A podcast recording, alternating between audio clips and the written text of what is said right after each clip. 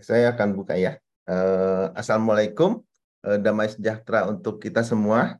Uh, selamat pagi, sahabat kultur. Eh, selamat pagi, sahabat suluh keluarga. Pagi ini kita bertemu kembali dalam acara Kultur Parenting edisi Jumat 28 Juli 2023. Gak berasa satu bulan udah berlalu lagi nih. Ini akan jadi uh, Kultur Parenting terakhir di bulan ini. Tema kita di bulan Juli ini adalah Family Agility Ya, kalau Fli akan membahas tentang do's and don't dalam membangun ketangguhan remaja. Sebagai orang tua, kita akan bertanya bagaimana sih membangun ketangguhan para remaja. Ya, lalu apa saja yang perlu dihindari? Masa remaja memang masa yang tidak mudah dilewati ya. Bagi kita orang tua juga mengalami kesulitan untuk menghandle anak-anak remaja kita. Apalagi remaja sekarang ini sangat berbeda sekali dengan remaja zaman kita dulu ya. Namun eh, bagaimanapun sulitnya, pastinya kita ingin mempunyai anak-anak yang tangguh. Kalau Fli yang sudah membesarkan dua anak remaja menjadi dua anak dewasa yang tangguh, akan share tentang pengalamannya. Oke, nggak, nunggu lama lagi, silakan kalau Fli untuk memulai diskusi kita. Ya, selamat pagi teman-teman. Ya, kalau Kak Dani yang hosting itu memang edifikasinya selalu luar biasa ya. Itu betul. Faktanya kan gitu kalau biasa. dua anak luar biasa Raka sama Deli kan luar biasa. ya, hari ini kita sebetulnya ini jatahnya Kak Joel ya. Uh, tapi kemudian karena beliau itu ada di Kanada dan perbedaan waktunya memang luar uh, lumayan ya. Dan saat ini beliau sedang bekerja di salah satu sekolah di sana sehingga uh, jam-jam ini nih sebetulnya jam sore di sana gitu. Jadi dia belum selesai beraktivitas. Sehingga uh, lalu saya tawarkan ke beberapa teman dan mungkin karena mendadak jadi mereka pun e, menyatakan tidak tidak bisa gitu ya karena waktunya. Itu sebabnya teman-teman di kultur parenting, ayo silakan mengisi form yang sudah saya bagikan di grup. Saya yakin uh, ada banyak di WhatsApp grup itu teman-teman yang memang berkecimpung di dunia parenting gitu ya. Dan mari kita sama-sama menyumbangkan potensi kita untuk kebaikan anak-anak Indonesia. Kultur parenting memang diadakan di awal tuh karena kami menyadari akan adanya ledakan demografis ya di tahun 2030 dan saat itu juga sedang Covid dan uh, kemudian ada laporan meningkatnya kekerasan uh, di rumah terhadap anak-anak ya. Uh, Oh ini The Luna Wedding Organizer ini penting ini untuk untuk yang mau nikah supaya tahu dulu tentang parenting ya. Nah pagi ini saya akan bicara tentang the do's and the don'ts yang jangan dan yang kita perlu lakukan pada saat kita mempersiapkan anak remaja kita agar menjadi remaja tangguh. Sebetulnya saya sudah menyiapkan uh, uh PowerPoint tapi kok tiba-tiba saya berpikir untuk tidak menampilkannya. Saya akan tampilkan tapi tidak semua ya yang akan saya diskusikan ya. Karena mau saya tambahkan beberapa nih. Uh, salah satu yang mau saya ingatkan bahwa uh, parenting itu ini yang mesti kita mesti kita ingat bersama ya dan terus kita ingat. Parenting itu um, adalah bagian dari tindakan yang diatur dalam Undang-Undang Sisdiknas. Ini menurut saya pribadi ya. Karena Undang-Undang Sisdiknas itu di pasal satunya mengatakan pendidikan itu adalah usaha sadar dan terencana. Tidak untuk menciptakan suasana belajar. Jadi yang dituju oleh pendidik itu adalah penciptaan suasana belajar yang akan mendorong anak mengembangkan potensinya. Jadi bukan kita mengembangkan potensi anak, tapi kita menciptakan suasana belajar yang membuat anak bisa mengembangkan potensi dirinya. Ini sangat jauh berbeda ya. Ini kalau menurut saya pemahamannya jadi berbeda. Yang berikutnya bahwa ini adalah usaha sadar dan terencana. Parenting buat saya itu bukan masalah insting. Ya, kalau insting itu bukan usaha sadar, apalagi terencana. Insting itu bicara reaksi kita. Ya, tetapi parenting itu menurut saya ya setelah bertahun-tahun saya menjadi orang tua eh, ternyata adalah usaha sadar dan terencana. Karena ini usaha sadar dan terencana, kalau kita mau membuat rencana, maka kita perlu tahu goal kita. ya perlu tahu goal kita. Kalau tadi Kak Dani mengatakan anak-anak itu sangat berbeda yang sekarang, saya juga berani mengatakan bahwa kita sebagai orang tua juga sangat berbeda. Mengapa? Kalau orang tua kita zaman dulu, di zaman ibu saya, ya berarti 50 tahun yang lalu, ibu saya tidak punya kemewahan untuk bisa menikmati hasil-hasil penelitian yang dilakukan orang-orang di seluruh dunia. Jadi e, sumber ibu saya hanyalah orang-orang yang bisa beliau temui, yang bisa ditanya. Kemudian juga beliau tidak bisa secara merdeka atau bebas bertanya karena beliau harus menjaga quote unquote nama baik keluarga. Jadi kalau mau berkata anak-anak kita sekarang berbeda, sebenarnya kita pun berada dalam situasi kondisi yang berbeda. Nanti kalau uh, buat saya hidup itu pilihan ya. Anda mau melihat situasi kita secara negatif atau Anda mau melihat situasi kita secara positif itu pilihan ada di tangan Anda. Kalau saya apa pun yang terjadi, saya senang melihatnya dari sisi yang positif, gitu ya.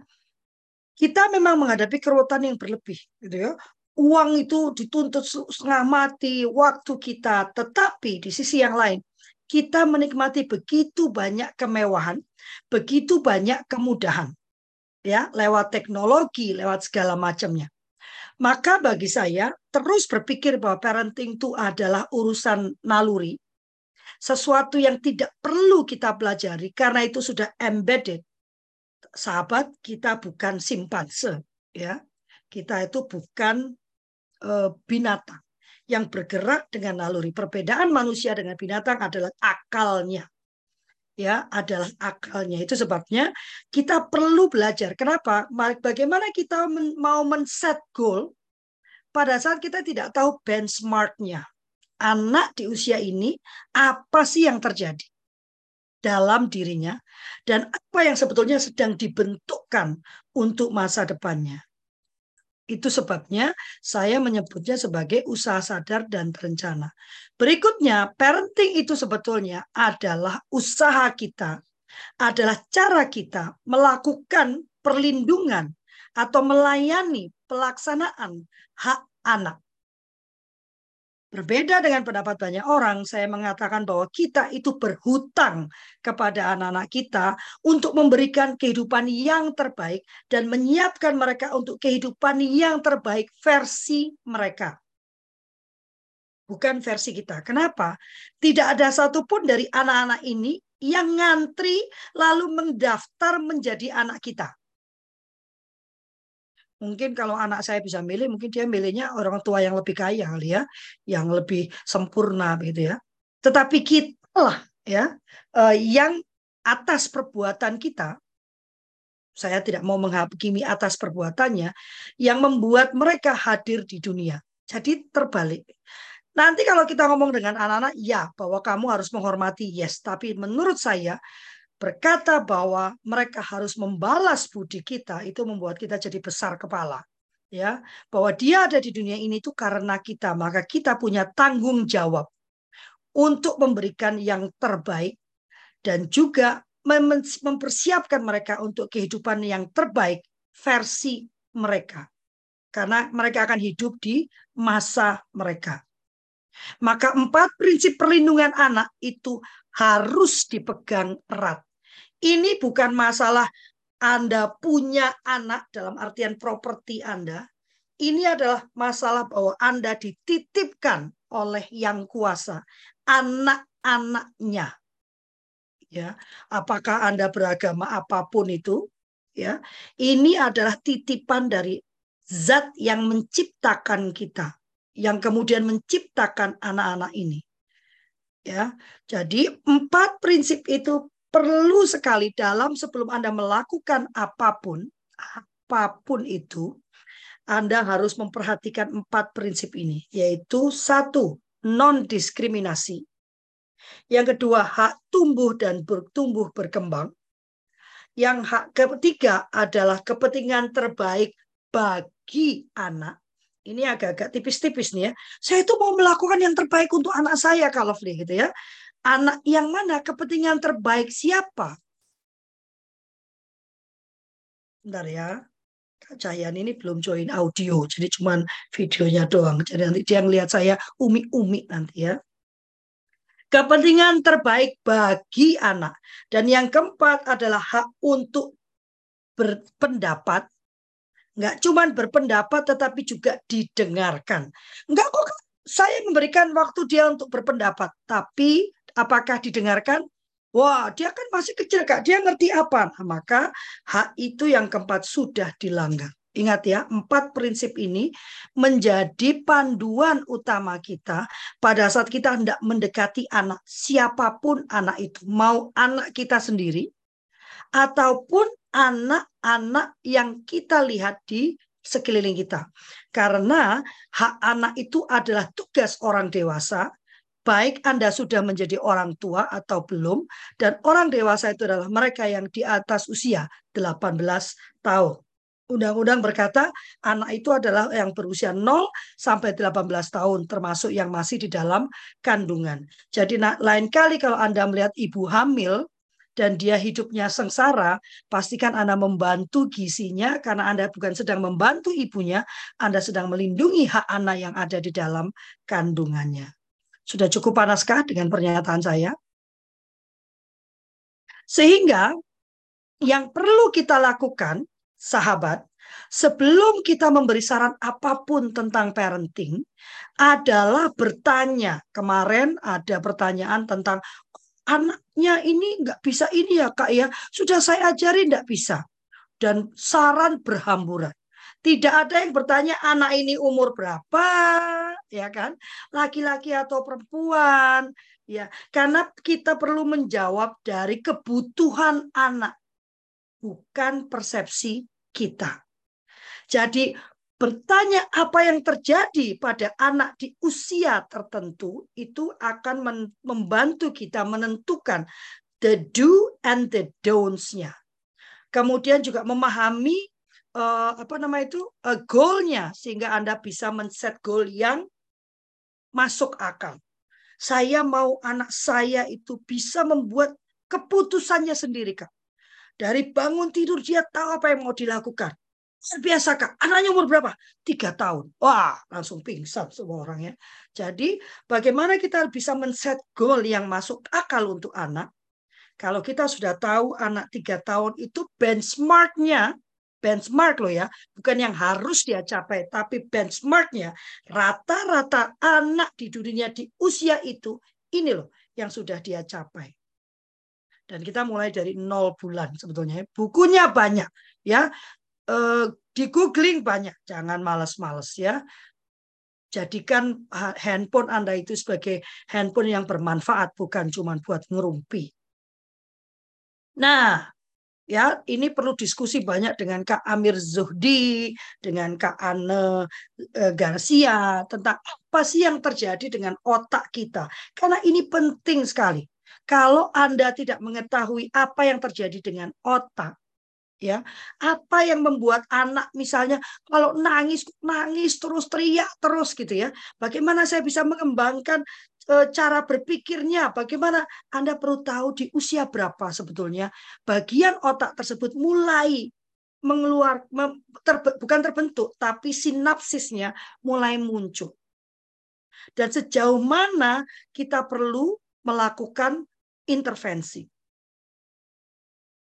Pada dasarnya manusia berkembang e, sendiri tanpa perlu melakukan intervensi. Tetapi agar kita bisa mencapai pertumbuhan yang maksimal, maka kita perlu melakukan intervensi. Nanti silakan dibaca sendiri ya ini ya ya ini ada umur berapa dia berpikir ya dia mulai melakukan kon konkret berpikir konkret itu di usia 3 sampai 12 tahun itu frontal lobe-nya ya lalu di usia 12 sampai 20 tahun 22 tahun itu prefrontal cortex di mana dia mulai mengembangkan kemampuan dia untuk memutuskan to judge. Apakah ini perlu? Apakah ini bisa? Ini mau mengambil apa? Bicara tentang perencanaan ya. Eh, itu semua di usia 12 sampai 22 tahun. Dia mulai mengembangkan. Bukan, oh, itu sudah 12 tahun. Harusnya prefrontal cortexmu itu sudah kenapa kamu tidak bisa gitu ya dan ini semua perlu dilakukan latihan karena berpikir itu adalah keterampilan ya. Tapi pada saat kita tahu bahwa di usia 12 itu dia mulai mengembangkan prefrontal cortexnya, maka kita perlu tahu apa yang perlu kita lakukan untuk membantu dia membangun keterampilannya membuat keputusan berdasarkan logika. Ya, dan usia 3 12 tahun dia berpikir konkret. Nah, kalau udah tahu begitu terus ngasihnya abstrak-abstrak, kamu harus belajar luar biasa. Kenapa? Supaya kamu bisa mendapatkan gaji yang besar nanti kejauhan, Pak bagi anak-anak umur 3 sampai 12 tahun yang ada dalam pikiran mereka adalah sesuatu yang konkret. Ya. Parietal lobe ya kan bagaimana dia belajar tentang bahasa, tentang sentuhan. Maka umur sampai 6 tahun itu penting sekali mengajarkan bahasa, mengajarkan uh, apa sentuhan ya anak-anak yang jarang disentuh nanti ada itu urusannya dengan si, uh, perkembangan pertumbuhan pertumbuhan psikologisnya gitu ya. Nah, banyak yang mengatakan kalau kau udah remaja telat. Sahabat ternyata memang perkembangan otak itu katanya konon kabarnya 90% dilakukan dia pertumbuhannya itu di 90% dilakukan di usia 0 sampai 5 tahun. Makanya penyebutannya golden age. Kemudian setelah lima tahun kita menganggap bahwa telat kak gitu kan. Ternyata yang disampaikan anak-anak di usia 9 sampai 14 tahun ini ternyata dia punya kesempatan yang kedua karena uh, Kaderi belum dimasukkan ya. Eh, karena otak mereka ternyata sedang berkembang dengan cara cepat juga. Dia belajar ya dengan sangat cepat. Maka sebetulnya di usia 9 sampai 14 tahun ini menjadi kesempatan emas kita yang kedua. Kalau kita kehilangan 0 sampai 5 tahun atau 0 sampai 3 tahun, ya kan? Ada peluang ini ya e, untuk untuk kita mulai menyebab membangkitkan rasa belajar anak-anak itu. Nih, ya kan? Dia perlu didukung untuk menciptakan e, spiral yang positif. Punya rasa percaya diri gitu ya untuk belajar punya kesempatan untuk mengambil tanggung jawab gitu ya. Sementara dia mengalami perubahan biologis yang luar biasa Nah, ini beberapa hal yang perlu diketahui oleh para guru. Kalau saya ngomongnya pendidik ya, karena ini uh, sesuatu yang yang kita juga perlu ketahui bahwa anak remaja itu otaknya siap untuk perubahan ya lalu anak muda remaja itu lebih berani mengambil resiko dan ini sebetulnya satu hal yang positif ya karena kita sebagai orang dewasa karena ada yang mau bergeser pantat aja mikirnya banyak banget itu perhitungannya panjang banget gitu ya uh, dan saya unlearning itu itu luar biasa gitu karena saya selalu di, diajak untuk berhitung gitu ya kalau nenek saya itu dulu berapa biaya di sana nanti pengeluarannya berapa? Berapa masukanmu? Jadi akhirnya nggak jadi berangkat. Dan saya e, menyadari itu yang membuat saya terkungkung. Sehingga kemudian saya e, mencoba mengubah diri saya karena saya ingin anak-anak saya lebih menjadi orang-orang yang mengambil resiko. Jangan mikir gitu ya dan puji Tuhan ya sebetulnya Kak Deli walaupun dia tidak ber, uh, dia lebih banyak di rumah, uh, dia lebih berani mengambil risiko dibandingkan saya ya. Kalau Raka ya secara fisik udah kelihatan ya dia berkelana, pelanglang buana gitu ya. Dia dan saran yang saya berikan itu saya rasa berbeda dengan saran yang mungkin ayah ibu saya akan berikan kepada saya dalam posisi raka gitu ya. Saya lebih menyarankan dia mengambil resiko, menikmati dan benar-benar mengalami ya, mengalami dunia gitu, hands on sebelum kemudian dia nanti memutuskan untuk settle down gitu ya. Dan kemudian uh, sebetulnya otak anak itu itu tangguh dia, resilient. Meskipun nanti mereka itu uh, uh, ada dalam masa yang rapuh ya kita dengar banyak orang anak-anak remaja sekarang itu yang yang mudah sekali meledak emosinya yang kemudian uh, bahkan sampai bunuh diri gitu ya uh, itu karena kita yang lalai mengajarkan tentang kesehatan mentalnya. Pada waktu anak mengenali kesehatan mental, kita menyebutnya generasi yang lemah. Dikit-dikit healing, dikit-dikit. Kalau saya malu ya, Saya tidak tidak bisa mengenali dan saya tidak sanggup berkata bahwa I need a break. Tapi anak-anak masa sekarang, anak-anak yang dewasa muda masa sekarang, itu punya kemerdekaan. Dia merasa perlu untuk take a break di bawah tekanan hidup yang luar biasa. Dan kalau saya ngobrol dengan anak saya yang besar ya, dia mengatakan bahwa tekanan hidup kami itu sebetulnya jauh luar biasa.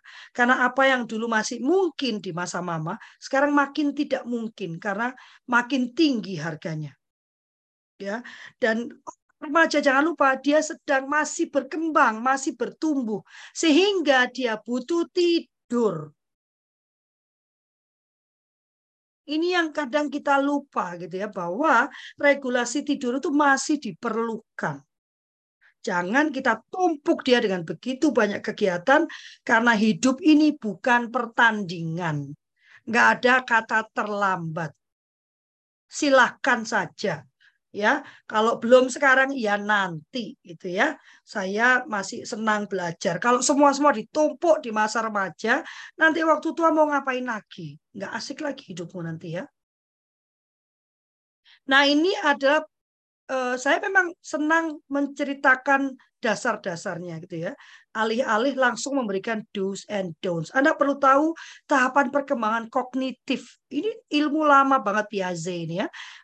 Ilmu lama banget. Anda perlu tahu bagaimana kognitif anak itu bertumbuh. Saat ini dia ada di bagian yang mana. Sehingga waktu Anda berbicara, Anda tahu bagaimana Anda memformulasikan perkataan Anda, bagaimana Anda memformulasikan, membentuk situasi belajar di mana anak-anak berada. Eh, ini psychological development ya. Yang diperlukan itu kalau Anda tidak berhasil mengembangkan industrinya, maka yang muncul adalah inferiority dan itu dimulai dari awal ya. Pada saat dia masih kecil, masih bayi, apakah kita berhasil mengembangkan trust ataukah dia tumbuh dengan mistrust?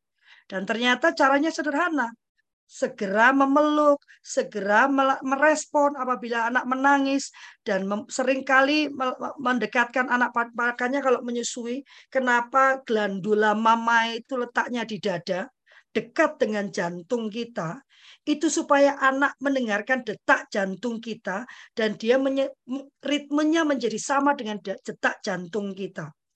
Jadi kalaupun Anda kemudian tidak mampu memberikan ASI, saya berkata demikian karena saya sendiri pun anak-anak itu terpaksa harus dibantu dengan susu formula. Jadi saya tidak mau menghakimi mereka yang tidak bisa memberikan asinya. Anda tidak meletakkannya di, di tempat tidur lalu dikasih botol. Di usia infansi ini, di usia bayi ini, sangat penting bagi ayah dan ibu, kalau pakai botol kan ayahnya juga bisa memberikan ya, mendekatkan, meletakkan anak mendekat ke dadanya dan memberikannya susu. Itu akan menumbuhkan trustnya. Dari kalau dia punya trust, maka dia tahu bagaimana punya otonomi atas dirinya sendiri. Bukan merasa malu atau meragukan dirinya sendiri. Kalau dia tahu otonomi dirinya sendiri, maka dia bisa mengembangkan inisiatifnya ya kalau di industri dia tahu kapan dia harus muncul dia tahu bahwa dia itu mampu dia tahu bahwa dia itu bisa bersaing. Maka dia punya identitas yang jelas. Ini menarik ya karena di negara berkembang di Amerika yang kalau yang sering nonton TikTok jadi saya kalau nonton TikTok yang kayak gitu-gitu ya. Mereka menyerahkan identitas ini gender identity ini kembali kepada anak-anak Sementara dari semua teori yang saya baca, identitas ini memang diajarkan. Gitu ya. Eh, sehingga dia tidak mengalami kebingungannya. Kamu itu laki-laki. Kenapa? Ya sederhana aja, kamu tidak punya payudara, ya. Kamu punyanya penis, alih-alih vagina gitu kan. Dan kamu tidak punya uh, rahim, uterus itu. Lalu assign role-nya, nah itu yang menurut saya bisa jadi perdebatan. Gitu ya. Beberapa mengatakan dunia ini kacau karena laki-laki jadi lembek gitu. Perempuan lebih tahu. Ada bahkan yang mengatakan perempuan terpaksa bekerja karena laki-lakinya tidak mampu. Waduh ya. bangun tidur dulu ya, jangan mimpinya kepanjangan. Ya. Kemudian dari sana kalau dia punya identitas yang jelas, dia bisa mengembangkan intimasinya, dia bisa punya hubungan yang sehat. Ya, nggak bucin, ya, yang sehat dengan orang-orang di sekitarnya. Maka dia bisa melakukan menggenerak punya pertumbuhan, tidak mandek di situ. Dan dia punya ego, integritas ego. Ya, bukan putus asa di usia tuanya. Sahabat, jadi sebetulnya apa yang kita lakukan hari ini itu mempengaruhi kehidupan anak-anak kita di masa depan.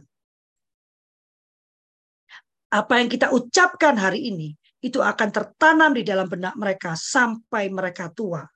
Ya, bagi saya untuk unlearn gitu ya, karena uh, dengan segala hormat dan kasih terhadap almarhum ibu saya, uh, orang yang selalu pertama kali meragukan saya adalah beliau.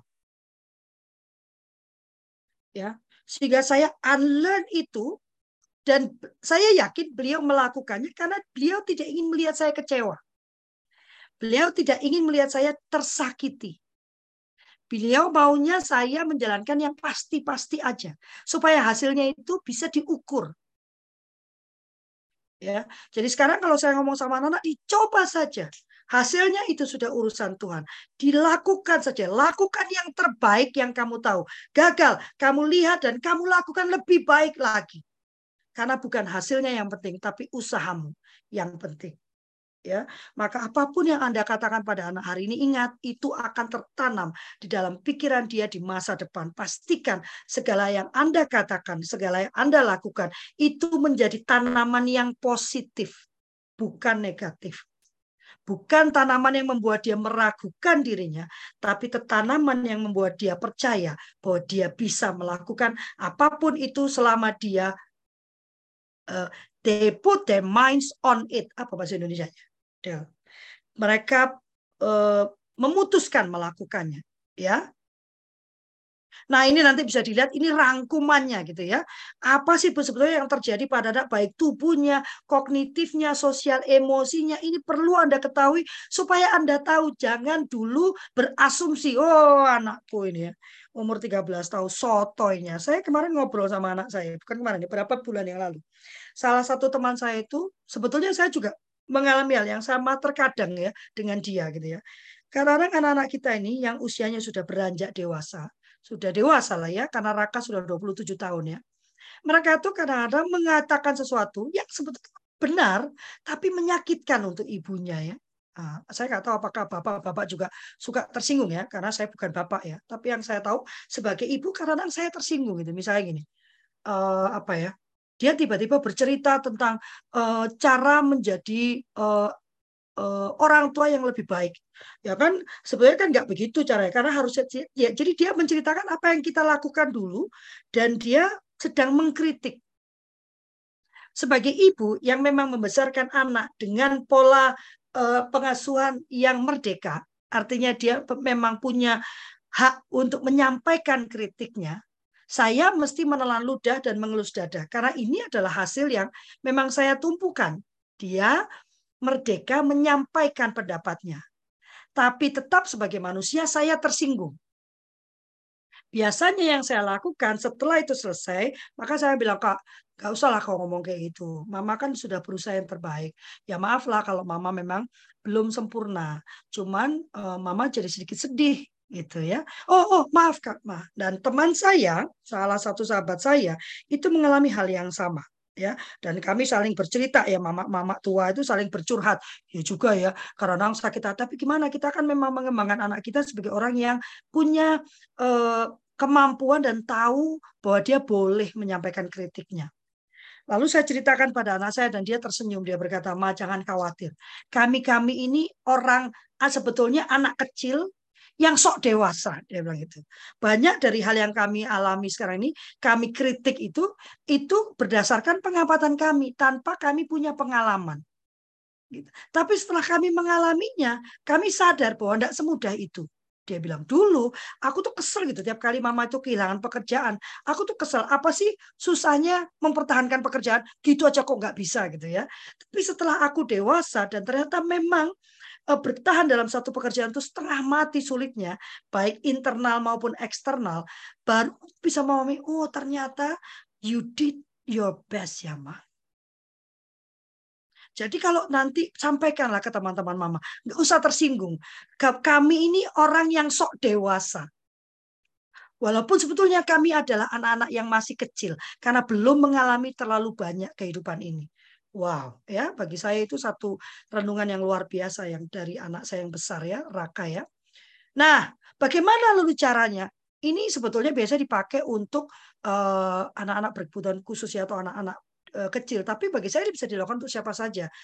ZPD, Zone of Proximal Development.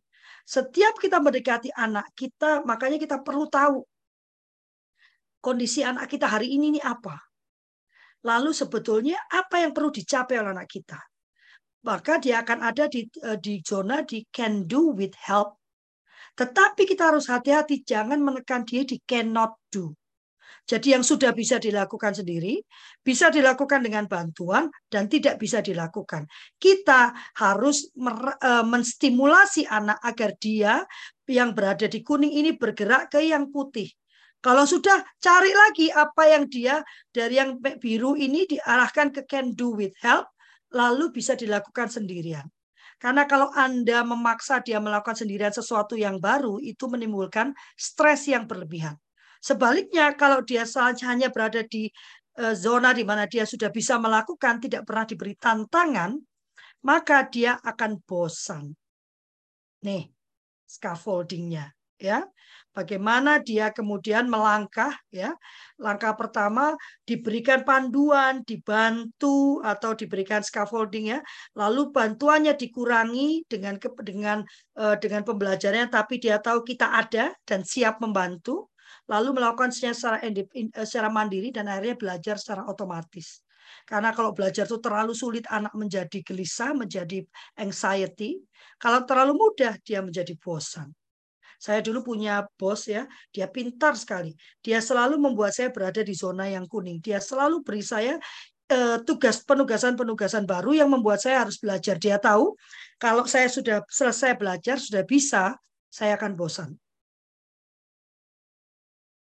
Nah, dari semua itu maka menurut saya yang tidak boleh kita lakukan pada anak remaja adalah memberikan instruksi.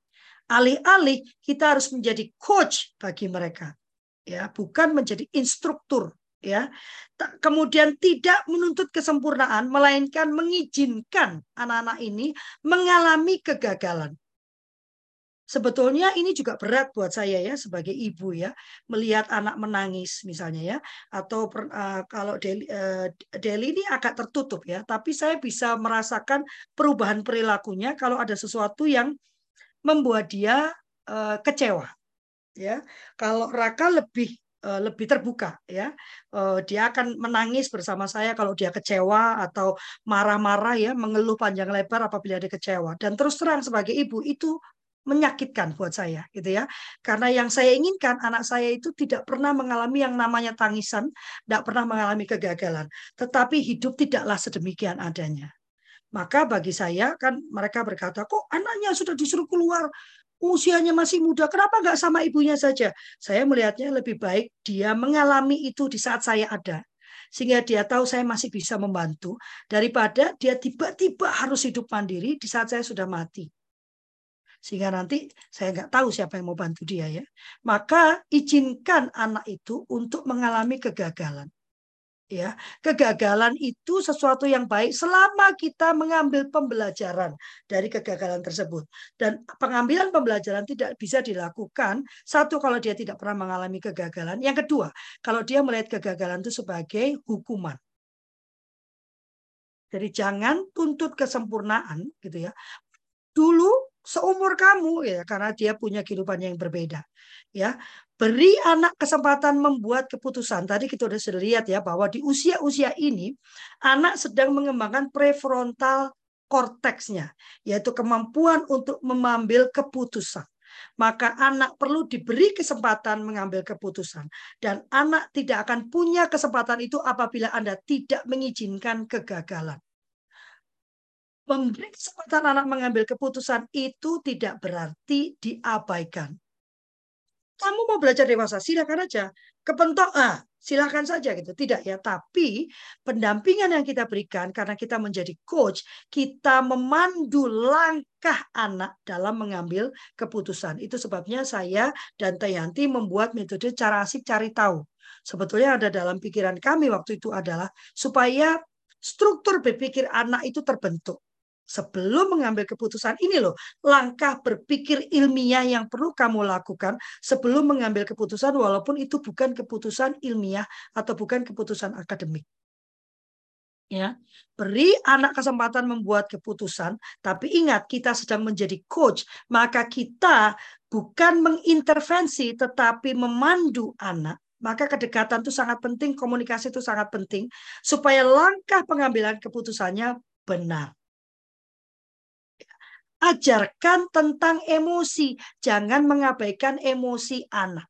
Ya, ada yang mengatakan loh berarti kan uh, apa apakah perlu uh, apa apakah perlu uh, uh, anak terus kemudian dipetakan atau di uh, bagi saya yang perlu diajarkan adalah dia mengenali tanda-tanda emosinya, kemudian dia tahu ini emosi apa, supaya dia tahu bagaimana merespon.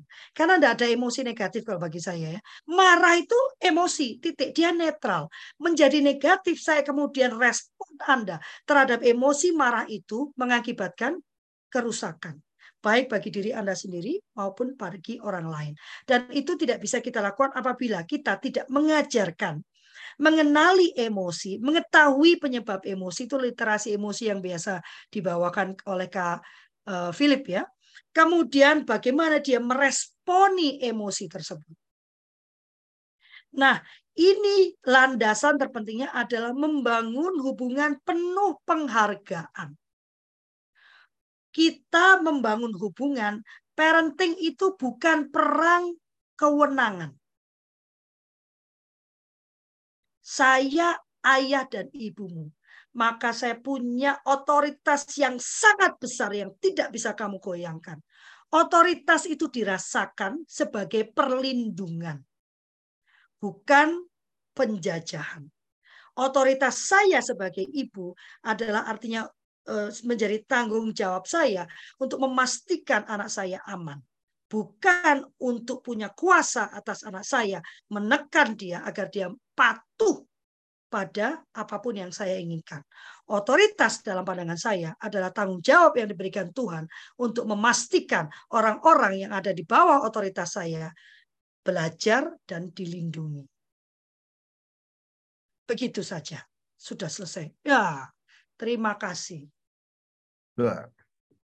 Wah, uh, makasih banget uh, Kak Lovely. Uh, ini isinya kalau orang bilang tuh daging, ini bukan, ini daging matang. Udah udah siap saji, isinya luar biasa sekali ya. Uh, saya merasa pagi ini kita uh, diberkati dengan apa yang di-share gitu. Karena kalau Lovely share begitu banyak dari mulai dasarnya yaitu hak anak. Lalu kita juga harus mengerti gitu daripada Eh, perkembangan otak anak sendiri gitu. Terus juga harus mengerti juga perkembangan psikologi anaknya juga, perkembangan menyeluruh bahkan kondisi anak saat ini.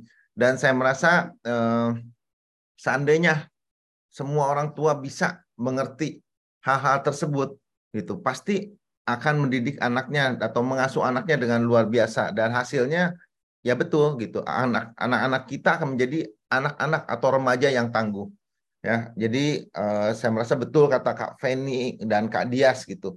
Ini luar biasa sekali benar-benar daging banget gitu. Nah silakan kakak-kakak ini walaupun waktunya nggak lama sekitar 10 menitan lagi ya kalau ada yang ber, mau berkomentar atau mau untuk uh, menanyakan sesuatu ke Kak Lovely uh, saya uh, mempersilakannya. Silakan langsung open open mic dan langsung bicara aja. Ya karena saya merasa ini wow luar biasa banget apa yang disampaikan sama sama Kak Lovely. Sampai speedless saya. Ya, saking luar biasanya. Ada kakak-kakak? Ada yang baru masuk. Untuk Kak Wido tuh. Ah, ada oh. yang nanyain ya, Kak Okta nih. Menurut Kak Lovely, perlukah peran gender dikenakan sedini mungkin? Oh, ada uh, kalau Lovely ini ada juga yang resen mau jawab dulu atau mau sekalian sekaligus aja? Sekalian aja lah ya. ya. Oke, ya. silakan uh, Kak Wahyu. Kak Wido. Kak Wido. Ah, Kak Wahyu Widasari. Iya. Kak Wida? Belum ada suaranya tuh?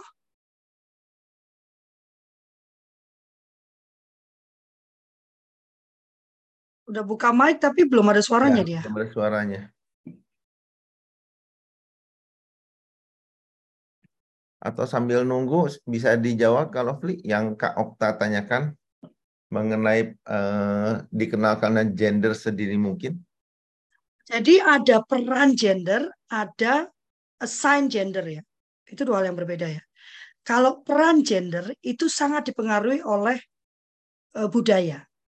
Itu ya.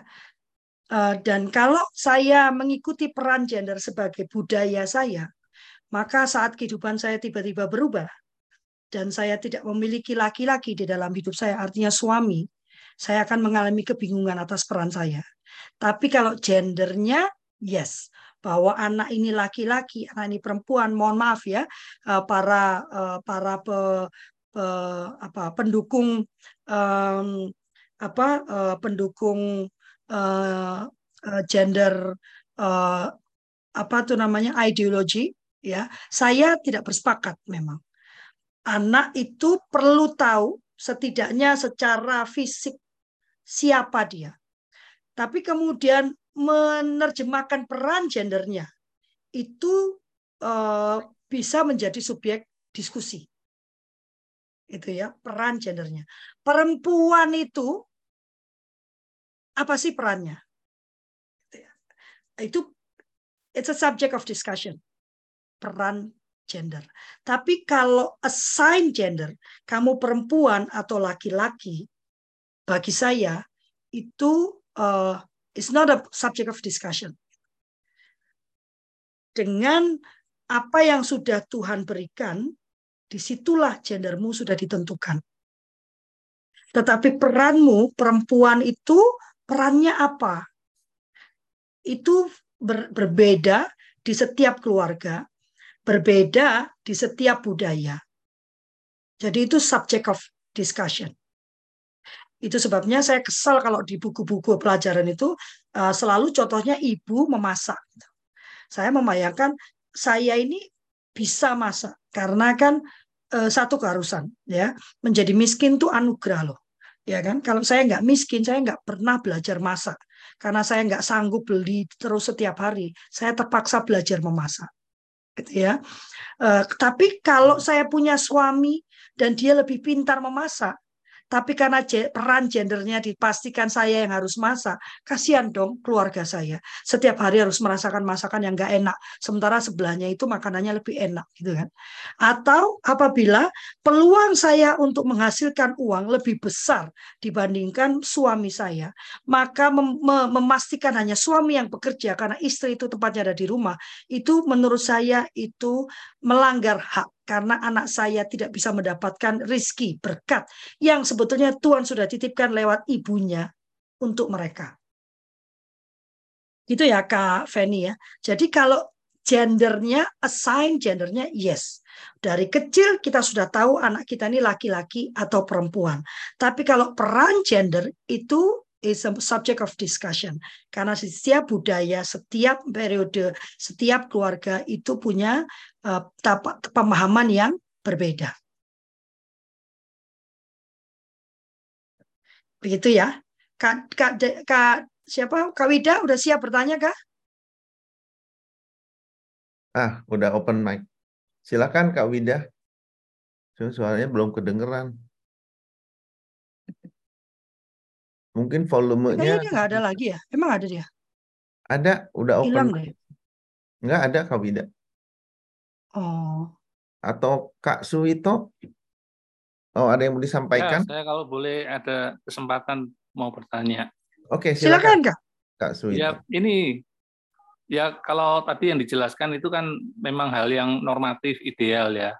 Nah, kalau dalam kenyataan itu kan tidak bisa mencapai hal yang ideal. Jadi kalau kita sebagai orang tua itu waktu anak itu masih remaja itu relasi kita komunikasinya kurang baik. Mungkin karena kita terlalu otoriter atau terlalu banyak mengatur.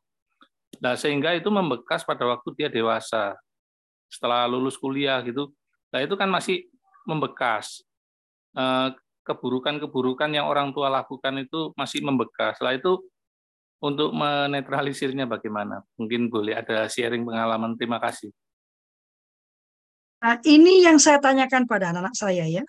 Uh, saya pernah bertanya sama mereka, makanya saya sedang memujuk Kak Deli nih uh, untuk mau membagikan pengalamannya. Kak Deli ini, Dede, izin Mama membagikan pengalaman masa kecilmu boleh? D.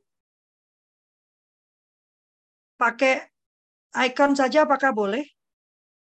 Belum dijawab ya. Kak Del ini uh, cukup uh, saya terkejut ya dengan apa yang ada terlintas dalam pikiran dia di masa dia kecil ya. Karena kami saya memutuskan untuk bercerai, lalu kondisi ekonomi kami kacau-kacau ya dan juga kondisi mental saya pasti ya. Jadi teman-teman eh, apa pun alasan orang bercerai itu sangat berat eh, dampaknya bagi kondisi mental orang yang melakukan perceraian apa pun alasannya. Jadi eh, bantu mereka untuk pulih alih-alih melakukan penghakiman. Nanti dampaknya ke anak-anak ya. Dan eh, saya lalu bertanya kepada mereka, termasuk yang besar juga ya, kenapa kemudian kalian tuh tidak berontak sama mama gitu ya? Kenapa kalian tetap menyayangi mama? Kenapa kalian tetap menghormati dan mencintai mama? Dengan begitu banyak kesalahan dan kesulitan yang kalian alami karena sebagai dampak dari keputusan personal mama. Ya, eh, dan ini yang selalu saya sarankan, tapi ini sekarang menjadi bukti ya, karena ini anak-anak saya yang mengatakan. Dia mengatakan pemulihan kami terjadi diawali pada saat mama secara tulus dan benar-benar meminta maaf. Jadi mama benar-benar mengakui kesalahan mama dan meminta maaf. Maka kepulihan kami kemudian dimulai. Saya nggak berkata mereka sudah pulih 100% ya, wong saya aja belum pulih 100% ya. Tapi proses pemulihan mereka dimulai, kata mereka, pada saat saya meminta maaf. Tulus dan mengakui kesalahan kita. Maka pada saat kemudian kita paham terjadi kekeliruan pada pola komunikasi kita di masa anak-anak remaja dan sekarang dia sudah dewasa, dewasa muda. Yang perlu kita lakukan adalah meminta maaf.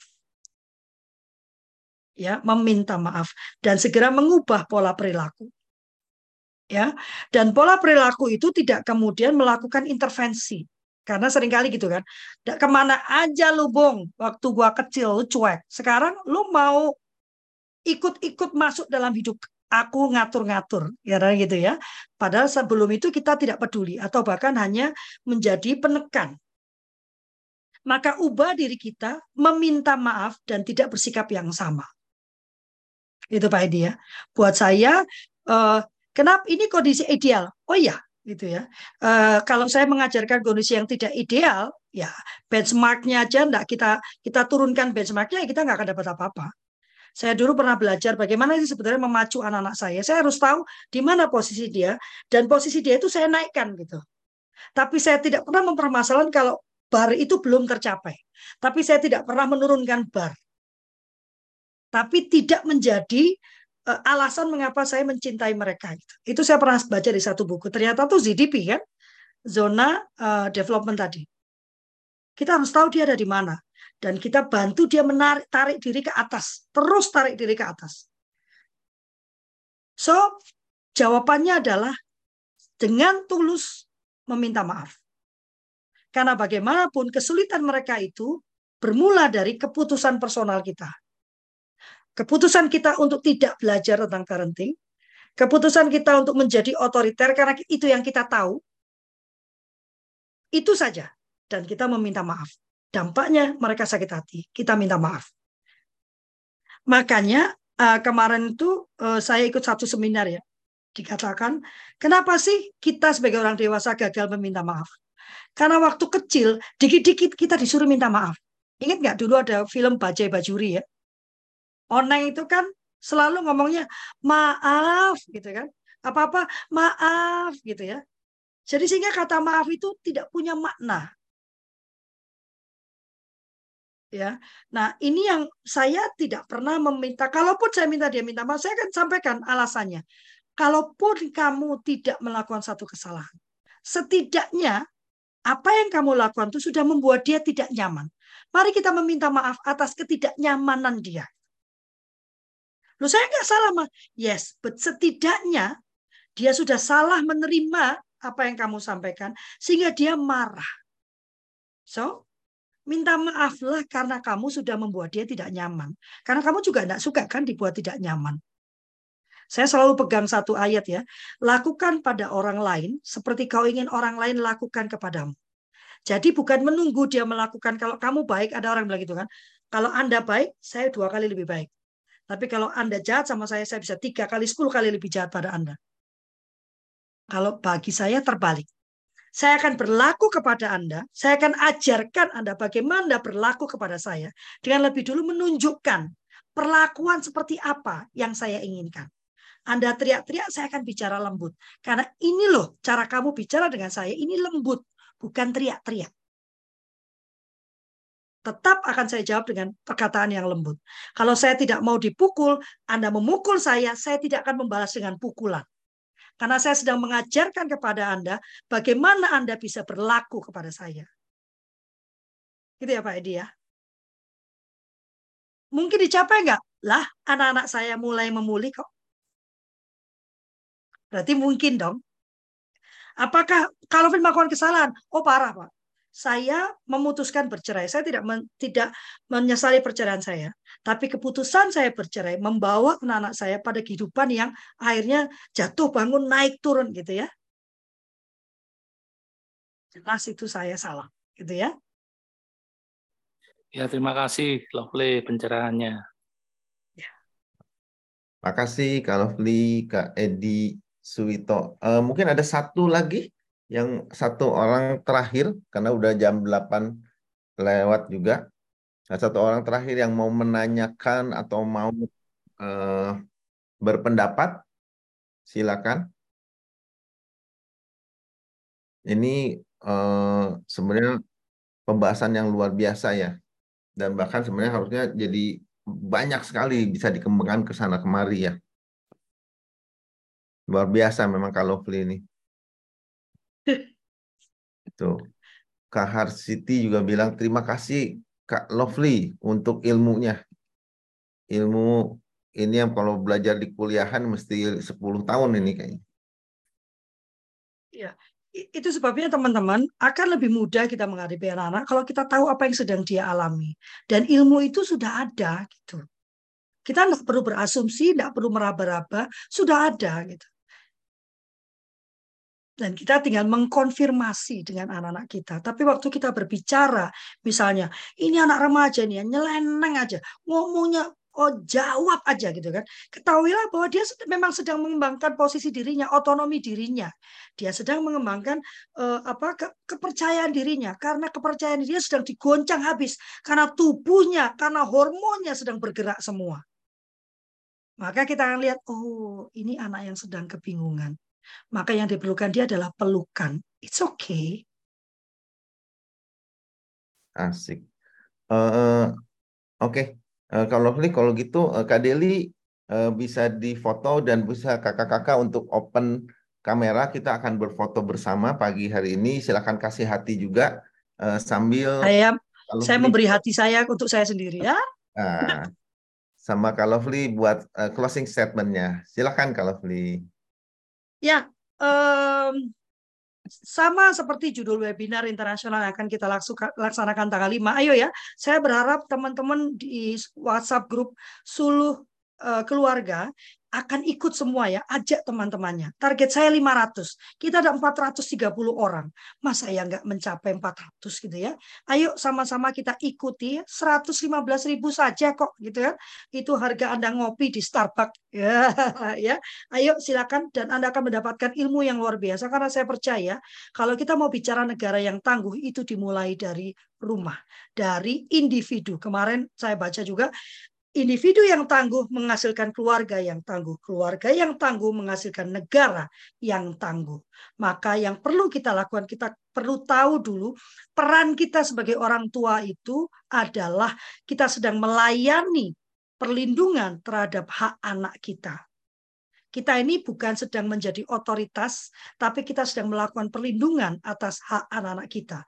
Empat prinsip itu perlu kita ingat dan akan mudah bagi kita melakukan pelayanan kalau kita tahu apa yang sedang dialami anak-anak ini di usia mereka dan apa yang perlu dicapai. Itulah sebabnya kultur parenting tidak bicara tentang e, cara, tidak memberikan tips. Kultur parenting memberikan landasan berpikirnya. Caranya itu dikembalikan kepada visi misi dan tata nilai yang dimiliki oleh keluarga demi keluarga. Makanya parenting itu sebuah kultur. Namanya kultur parenting. Terima kasih. Mohon maaf ya kalau terlalu kenceng atau terlalu vulgar ya. Saya meminta maaf. Semoga Wah. bermanfaat. Enggak ada yang kenceng kalau Fli. Itu luar biasa. Itu yang harus kita belajar semua pada pagi hari ini. Uh, jadi makasih banyak kalau Lovely dan juga semua kakak-kakak yang uh, hadir di sini. Kita ada kultur parenting setiap hari Senin dan Jumat uh, pukul 7 sampai pukul 8. Jadi kalau kakak-kakak ada kesempatan uh, terus bergabung dan ajak teman-teman sebanyak mungkin karena ini bisa membantu banyak sekali orang tua orang tua untuk mendidik anaknya dengan luar biasa sekali. Uh, sebelumnya saya mohon uh, maaf sebesar-besarnya bila ada perkataan dan pernyataan atau gestur tubuh yang kurang berkenan. Kami tidak ingin menyakiti, tidak ingin menghina, tidak ingin merendahkan, dan juga tidak ingin menggurui. Kami hanya membagikan apa yang menjadi keyakinan dan apa yang kami kerjakan dalam kehidupan sehari-hari. Sekali lagi terima kasih. Assalamualaikum. Damai sejahtera untuk kita semua. Selamat pagi. Selamat pagi. Ya, terima kasih Lovely Tuhan berkati. Terima kasih kalau Lovely. Terima kasih semuanya. Saya pamit ya. Pamit Kak.